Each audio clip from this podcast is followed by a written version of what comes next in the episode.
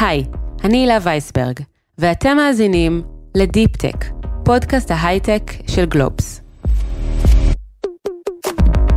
כל מי שחלף בנתיבי איילון בחודשים האחרונים לא יכל לפספס את שלטי החוצות שצצו מכל כיוון ולא פרסמו את הקולקציה החדשה של קסטרו או פוקס, אלא כל מיני חברות הייטק.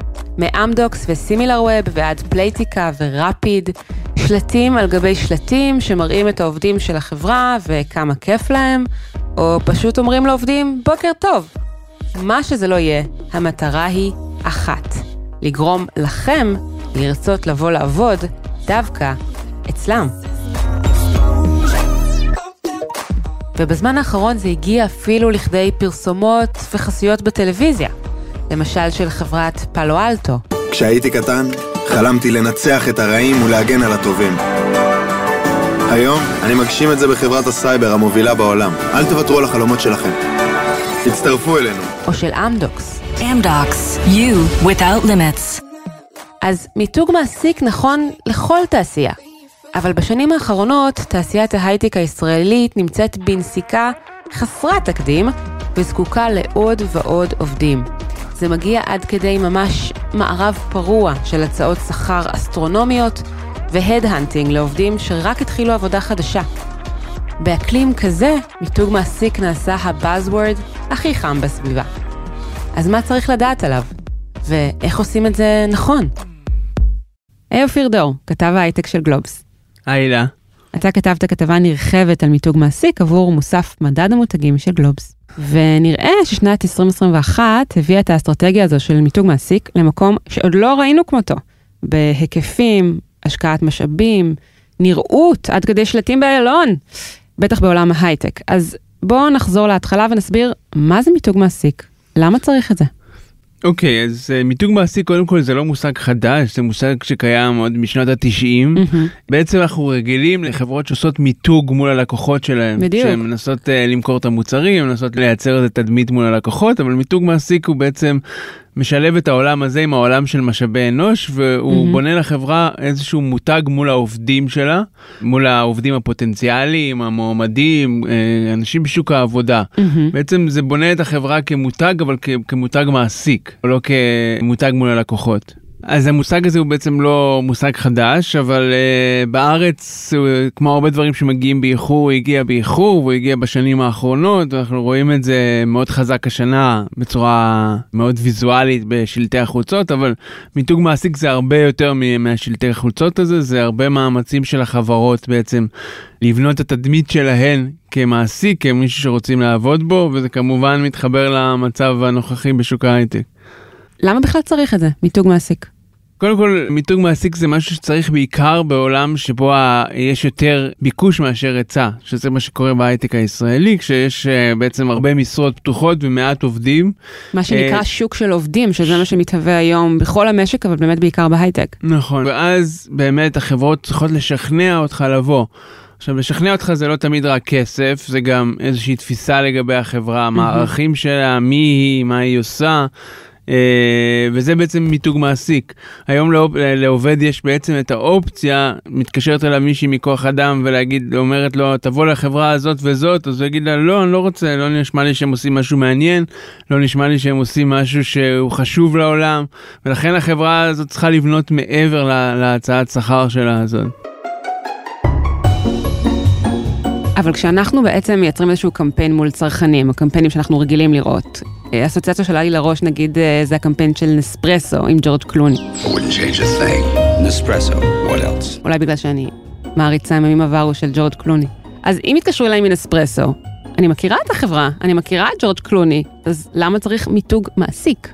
זה שני דברים שונים לגמרי. את מכירה את החברה בתור איזשהו מותג לקפה. את לא מכירה אותה בתור מעסיק. יכול להיות שיש לך Mhm. תפיסה אחרת לגביה אה, בתור מעסיק, ויכול להיות שאת חושבת שנספרסו בתור מעסיק זה מעסיק, אה, לא יודע, פחות מעניין, או שלא עושים שם דברים חשובים או טכנולוגיים מספיק, אם את Mhm. בעולם הטכנולוגי, סתם כדוגמה, אין לי מושג באמת מה הם עושים.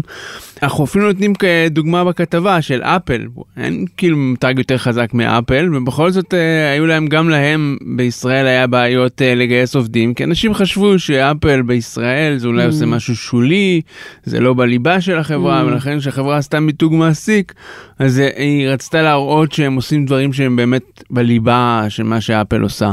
אז למה זה מתפוצץ עכשיו בצורה כל כך עוצמתית בהייטק? למה כל שלטי החוצות האלה?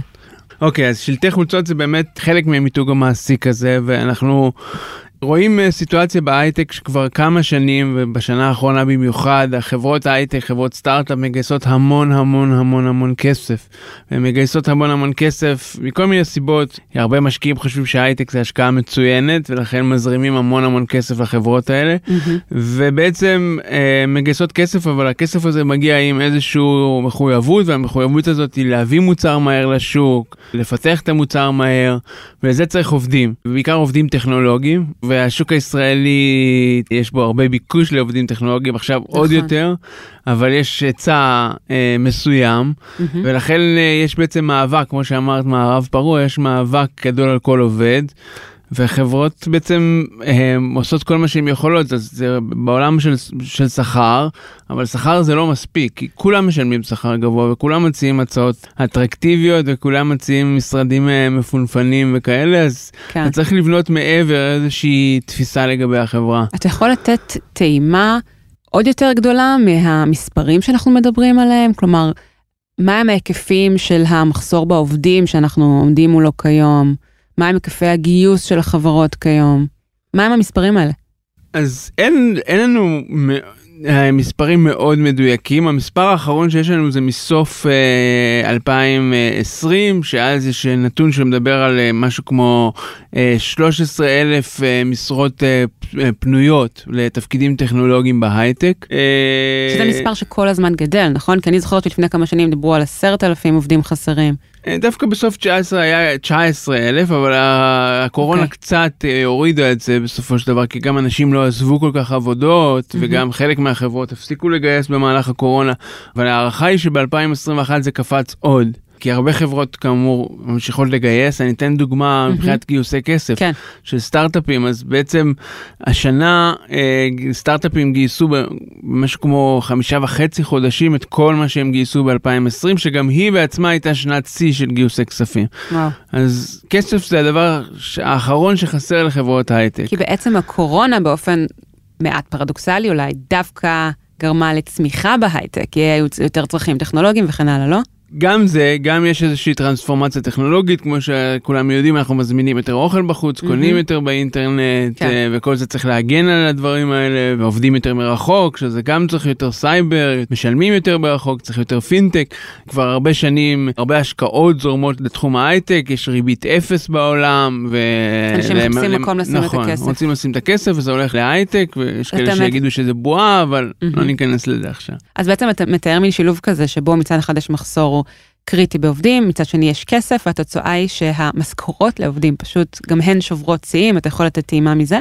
יש כל מיני נתונים מכל מיני כיוונים, חלק מהם יותר אה, סובייקטיביים, חלק יותר אובייקטיביים. יש את הנתון של ה... תן, תן, תביא את זה, ש... שנקנא ונדמיין איך אנחנו עוברים להייטק. אז uh, יש את הנתון קודם כל של הלשכה המרכזית לסטטיסטיקה, mm-hmm. במרץ האחרון הם אמרו שהשכר השכר הממוצע בהייטק הוא משהו כמו 31 וחצי אלף שקל, וואו. שזה עלייה uh, של 18 וחצי אחוז מול מרץ שנה שעברה. וזה משהו כמו פי שלושה מהשכר הממוצע במשק. אנחנו גם רואים את זה בכל מיני נתונים של אה, כל מיני מאגרי שכר שאנחנו רואים בתפקידים מאוד uh, ספציפיים למשל אנליסט uh, דאטה יכול להיות שבח... שנזכר כן. בחצי שנה האחרונה פתאום המשכורת החציונית שלו היא משהו כמו 27 אלף שקל לעומת 19 אלף שקל לפני יותר מחצי שנה. והדיווחים מחברות uh, כמו אמזון פייסבוק ואחרות. הן ששכר יכול להגיע גם לטווחים של 60 ו-70 אלף שקל לחודש לעובד פשוט, כן? לא מנהל. זה יכול להגיע לשם, זה בדרך כלל לקצפת של העובדים. Mm-hmm. אנשים בהייטק תמיד מתעצבנים מהסכום הזה שנתנו 80 אלף שקל שכר, והרבה פעמים זה באמת, חלק מהמספרים האלה מגיעים מחברות כוח אדם, mm. שהן רוצות לפרסם את עצמם, וזה דרך טובה לקבל כותרת בעיתון. Mm. זה קיים, השאלה התפוצה של זה, כאילו לא קל לקבל 80 אלף שקל אפילו בהייטק לעובד שהוא לא נגיד מנהל בכיר. Mm-hmm. זה לא שזה לא קיים, זה פשוט יחסית נדיר, אבל... המשכורות מאוד מאוד מאוד גבוהות, אבל העניין הוא שכולם משלמים משכורות גבוהות, אז אם אני סטארט-אפ A ואני רוצה לבדל את עצמי מסטארט-אפ B, אני צריך קצת יותר מעבר לשכר. ואתה ממש מתאר מערב פרוע, במובן הזה שעובד מתחיל לעבוד איפשהו, וכבר מיד עושים לו headhunting לחברה אחרת. זאת אומרת, באמת, האקלים שנוצר הוא כזה שחברות חייבות לבדל את עצמן, הן חייבות למצוא דרך להשאיר את העובד אצלן, העובד, העובדת, יותר מכמה חודשים בודדים, ובתוך האקלים הזה בעצם צומח בצורה משמעותית הנושא של מיתוג מעסיק. נכון. ההערכה היא שאם יש לך עובד שהוא עם ניסיון והוא בתחום מאוד uh, חם, במיוחד אם זה עולמות של בינה מלאכותית או סייבר או דברים כאלה מאוד חמים, mm-hmm. הוא יקבל כל הזמן הצעות. הצעות שכנראה ישפרו את השכר שלו וישפרו את התנאים שלו. לא תמיד זה אומר שכאילו רוצים אותו כרגע, זה אומר שרוצים שהוא יבוא למבחנים לפעמים, אבל בשביל שהוא ירגיש מספיק מרוצה, הוא צריך שיבנו, את יודעת, כאילו, אנחנו קונים אה, מוצר, אנחנו קונים מוצר בסופר, אנחנו לא קונים אותו רק בגלל המחיר, ואם אנחנו קונים את המוצר יותר יקר, לפעמים את המוצר יותר זול, אנחנו קונים אותו בגלל משהו שלם. וזה, וזה קשור למיתוג מעסיק, שזה מעבר לשכר שהוא יקבל. גם איזושהי גאוות יחידה, אני מניחה. כן, גם איזושהי גאוות יחידה, גם איזושהי תחושה שאתה עושה משהו שהוא חשוב, שהוא משהו משמעותי.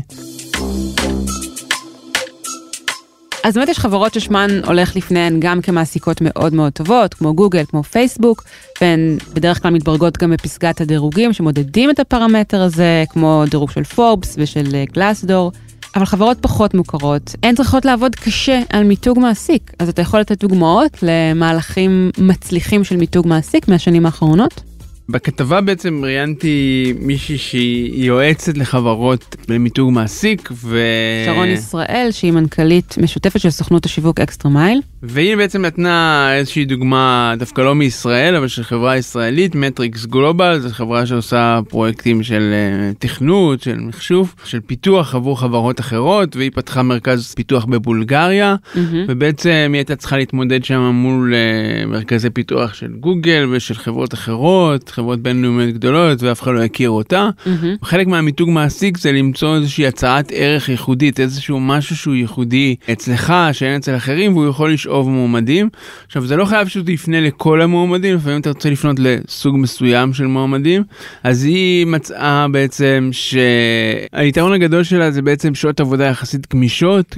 בבולגריה מסתבר רוב החברות דרשו כזה 8 עד 5 מהעובדים שלהם, והיא נתנה להם לצאת קצת יותר מוקדם ולהמשיך לעבוד מהבית. אז בוא נשמע את שרון ישראל מספרת על פענוח הצעת הערך הייחודית של מטריקס גלובל. אנחנו בנינו את כל הקמפיין סביב מילה אחת מרכזית שזה ריספקט, והסתכלנו על איך אנחנו יכולים לתת לעובדים כבוד בכל ההיבטים. אחת הדוגמאות זה מה שאופיר מדבר עליו של איזון בית עבודה. וזה לאו דווקא הורים לילדים, זה כל אחד לפי הצרכים שלו. זה יכול להיות uh, מישהו ששוחה כל בוקר ואנחנו אומרים לו שהוא יכול להגיע יותר מאוחר, וזה יכול להיות הורה שרוצה להוציא את הילדים מהגן. הקריאייטיב היה חלק מאוד מרכזי בהצלחה של הפרויקט. Uh, יצרנו בעצם דמות באנימציה, פתחנו לה גם דף פייסבוק משלה, ועשינו את הסדרה של אה, סרטונים שרצו ויראלית בסושיאל מדיה. You deserve better. Your dream job is just a click away. Matrix Global. Respect your future. וזה משהו שהם הדגישו בקמפיין שלהם והם uh, עשו כזה קמפיין אינטרנט על איזה עובד שלא מצליח אף פעם להגיע לאסוף את הילדים שלו מהגן. היא אומרת שזו הייתה הצלחה והם עמדו ביעדי גיוס. עוד דוגמה זה נגיד וויקס. לכאורה וויקס חברה כל כך מצליחה, חברה עם שווי השוק הכי גדול כיום מבין uh, חברות הטק הישראליות.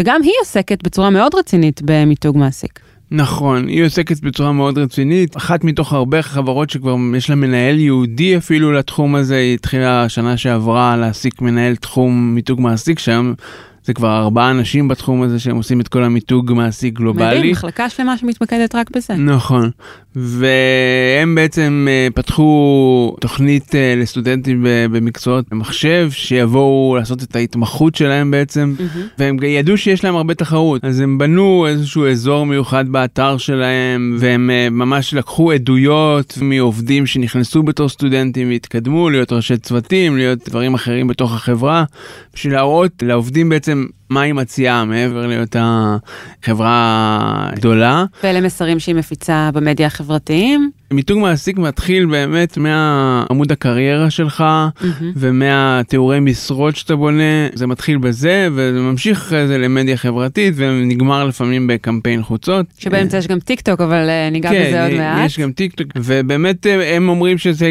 גרם להם לביקוש מאוד מאוד גבוה. עכשיו, בעולם של מיתוג מעסיק, הדבר שכולם רוצים זה להיות אותנטיים, לתת לעובדים לדבר בעצמם. כאילו לא שהמנכ"ל יבוא ויגיד, "אה, אנחנו חברה מצליחה, אנחנו חברה טובה, כי כאילו אף אחד לא יאמין לזה. כן, כי זה ברור אז- שהמנכ"ל משווק. כן, בוא ניתן לעובדים לדבר ונראה מה הם אומרים. עוד דוגמה מעניינת שאפשר לדבר עליה היא חברת התוכנה האמריקאית סיילספורס. זו חברה שבשנים האחרונות עבדה מאוד קשה על מיתוג המעסיק שלה, וזה הצליח לה. יחד עם אה, נתוני צמיחה עסקיים מאוד מרשימים, היא זינקה מהמקום ה-41 בדירוג החברות שהכי טוב לעבוד בהן של גלאסדור מלפני עשור, שנת 2011, אל המקום ה-17 השנה. ואיך היא עשתה את זה? כשראיינתי לפני כמה שנים מומחה אוסטרלי למיתוג מעסיק בשם ברט מיצ'ינגטון, שעבד עם החברה, הוא הסביר שבסיילספורס החליטו לפעול כדי להיטיב עם העובדים שלהם ברמה אה, הכי עמוקה. אה, באופן שיענה על הדבר שהם הכי רוצים, שהם אה, הכי ישמחו ממנו. למשל, הוא סיפר לי שעובדים בחברה מקבלים 56 שעות עבודה משולמות בשנה כדי להתנדב בקהילה שלהם.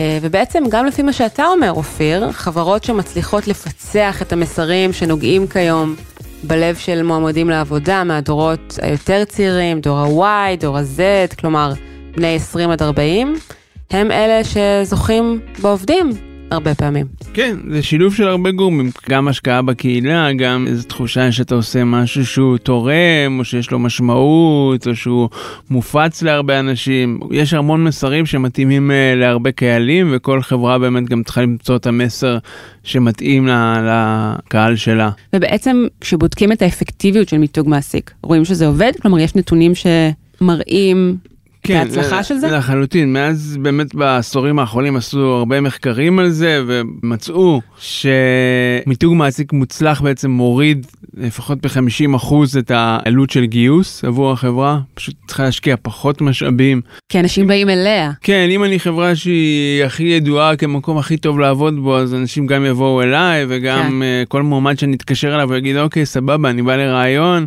לעומת זאת מישהו שנחשב פחות, אז יצטרכו להשקיע הרבה יותר משאבים, נכון. ולהגיע ולפרסם, לאנשים, כן. לפרסם. נכון, וזה גם מקטין את התחלופה בארגון, כי מיתוג מעסיק זה לא רק למועמדים הפוטנציאליים, אלא גם למועמדים שלך, זה יכול להקטין את התחלופה בארגון ב-30 אחוז. אתה רוצה שלעובדים שלך יהיה טוב, כדי שבעצם ידברו טובות על החברה החוצה, נכון. אז זו התוצאה. נכון. וגם יש מחקרים שאומרים שחברה שהיא מיתוג לא טוב, היא צריכה לשלם לפחות 10% יותר למועמדים בשביל שיבואו.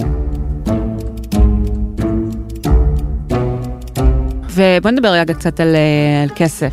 כמה כסף חברות משקיעות בזה היום, במיתוג מעסיק? יש לך את הנתונים האלה?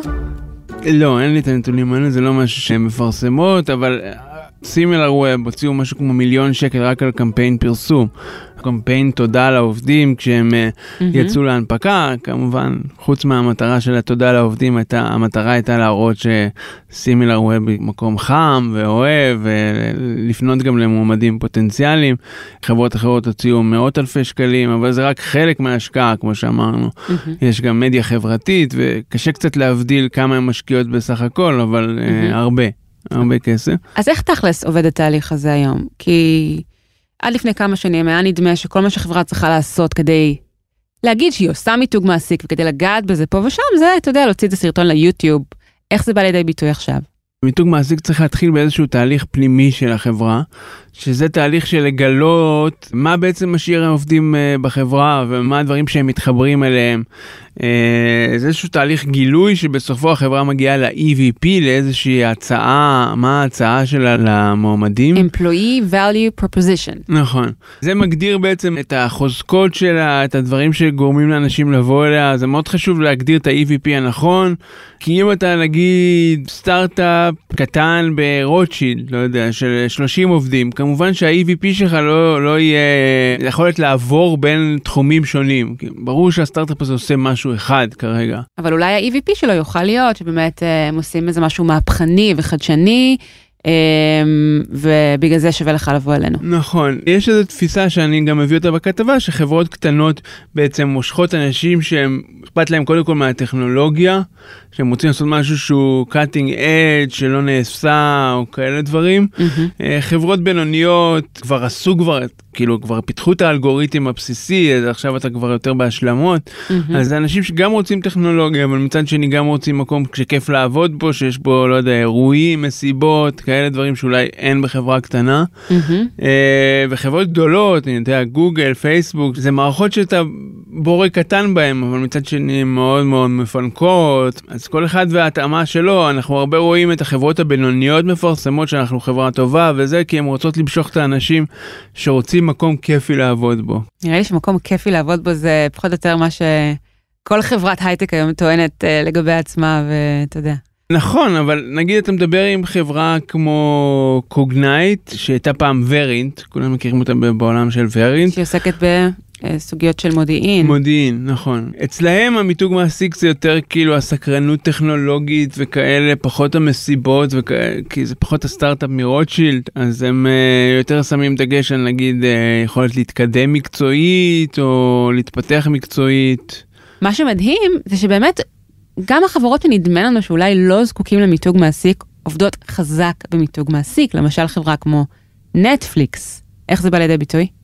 כן, אני חושב שזה היום משותף, אין אף חברה בעולם כאילו שיכולה להרשות לעצמה לא לעשות מיתוג מעסיק, כמו שכל חברה בעולם חייבת לעשות מיתוג מול הלקוחות שלה, אף חברה לא יכולה להתבסס על המוניטין הקודם ולהגיד אוקיי אני אפל, אני לא צריכה יותר לפרסם, אני לא צריכה יותר להשקיע בשיווק, אני לא צריכה...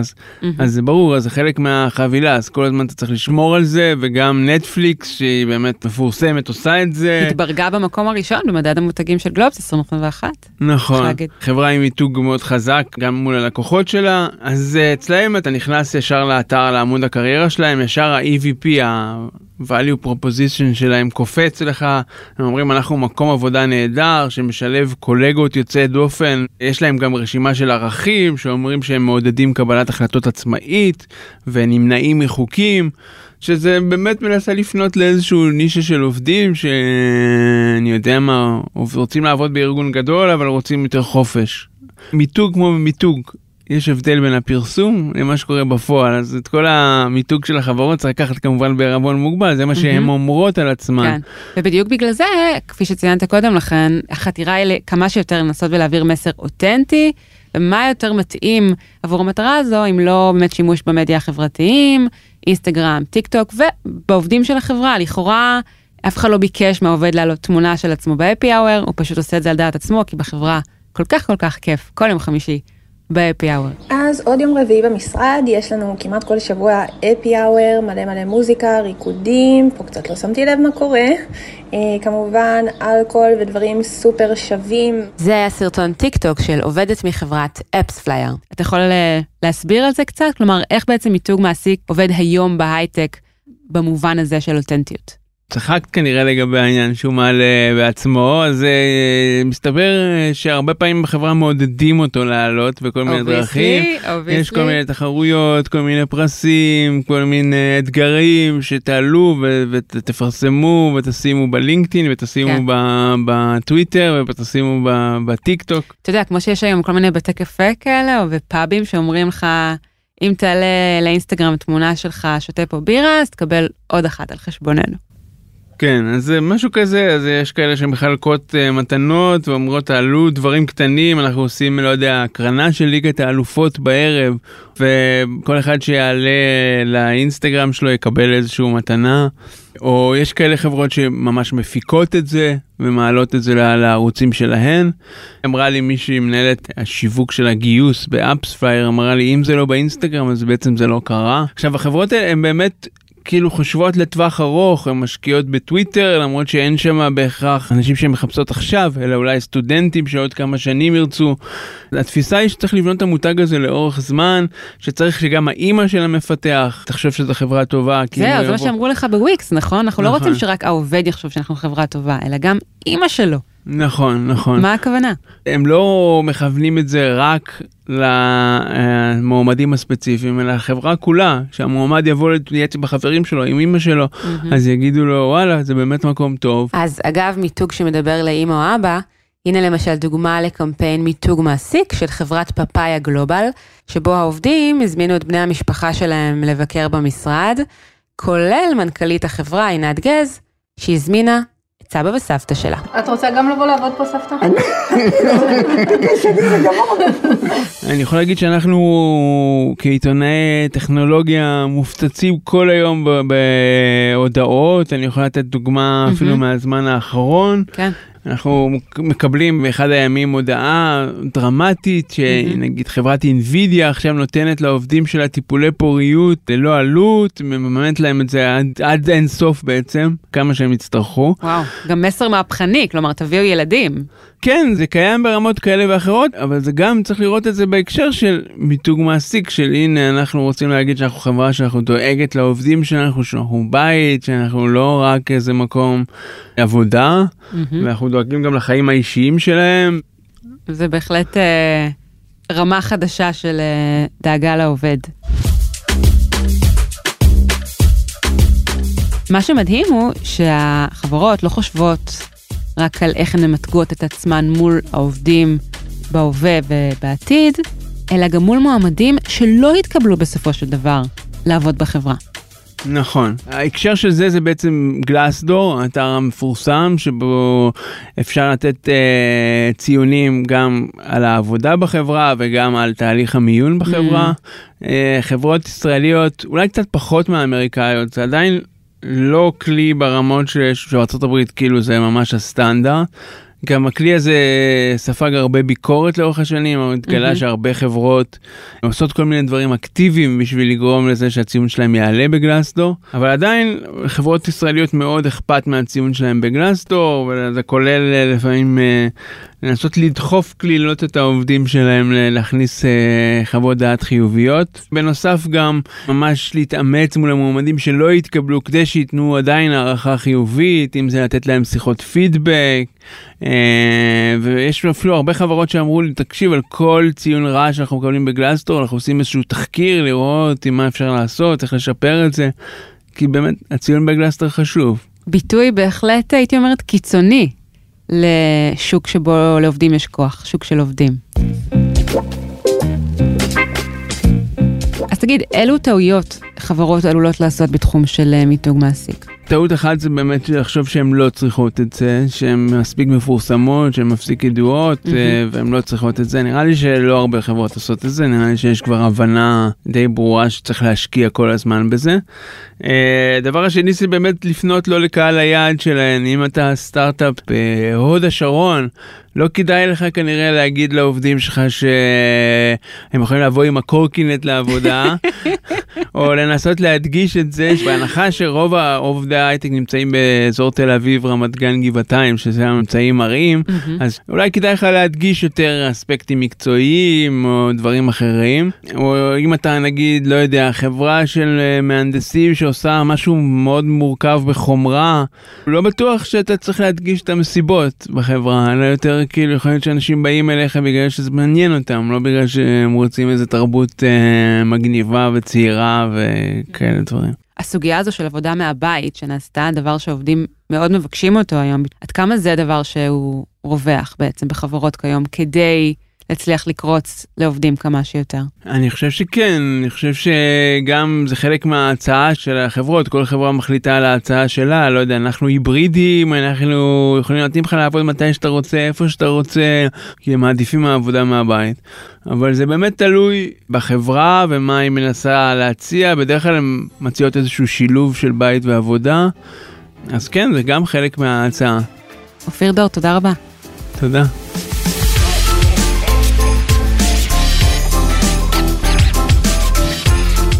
עד כאן עוד פרק של דיפ-טק. אתם יכולים למצוא אותנו באתר גלובס, בספוטיפיי או בכל אפליקציית פודקאסטים. ונשמח אם תדרגו אותנו גבוה באפל פודקאסט, ותשלחו את הפרק לחברה או חבר שעוד לא שמעו עלינו. עורך הסאונד הוא ניר לייסט. בצוות הצוללת נמצא גם אורי פסובסקי. אני הילה וייסברג, נתראה בפעם הבאה. ביי ביי.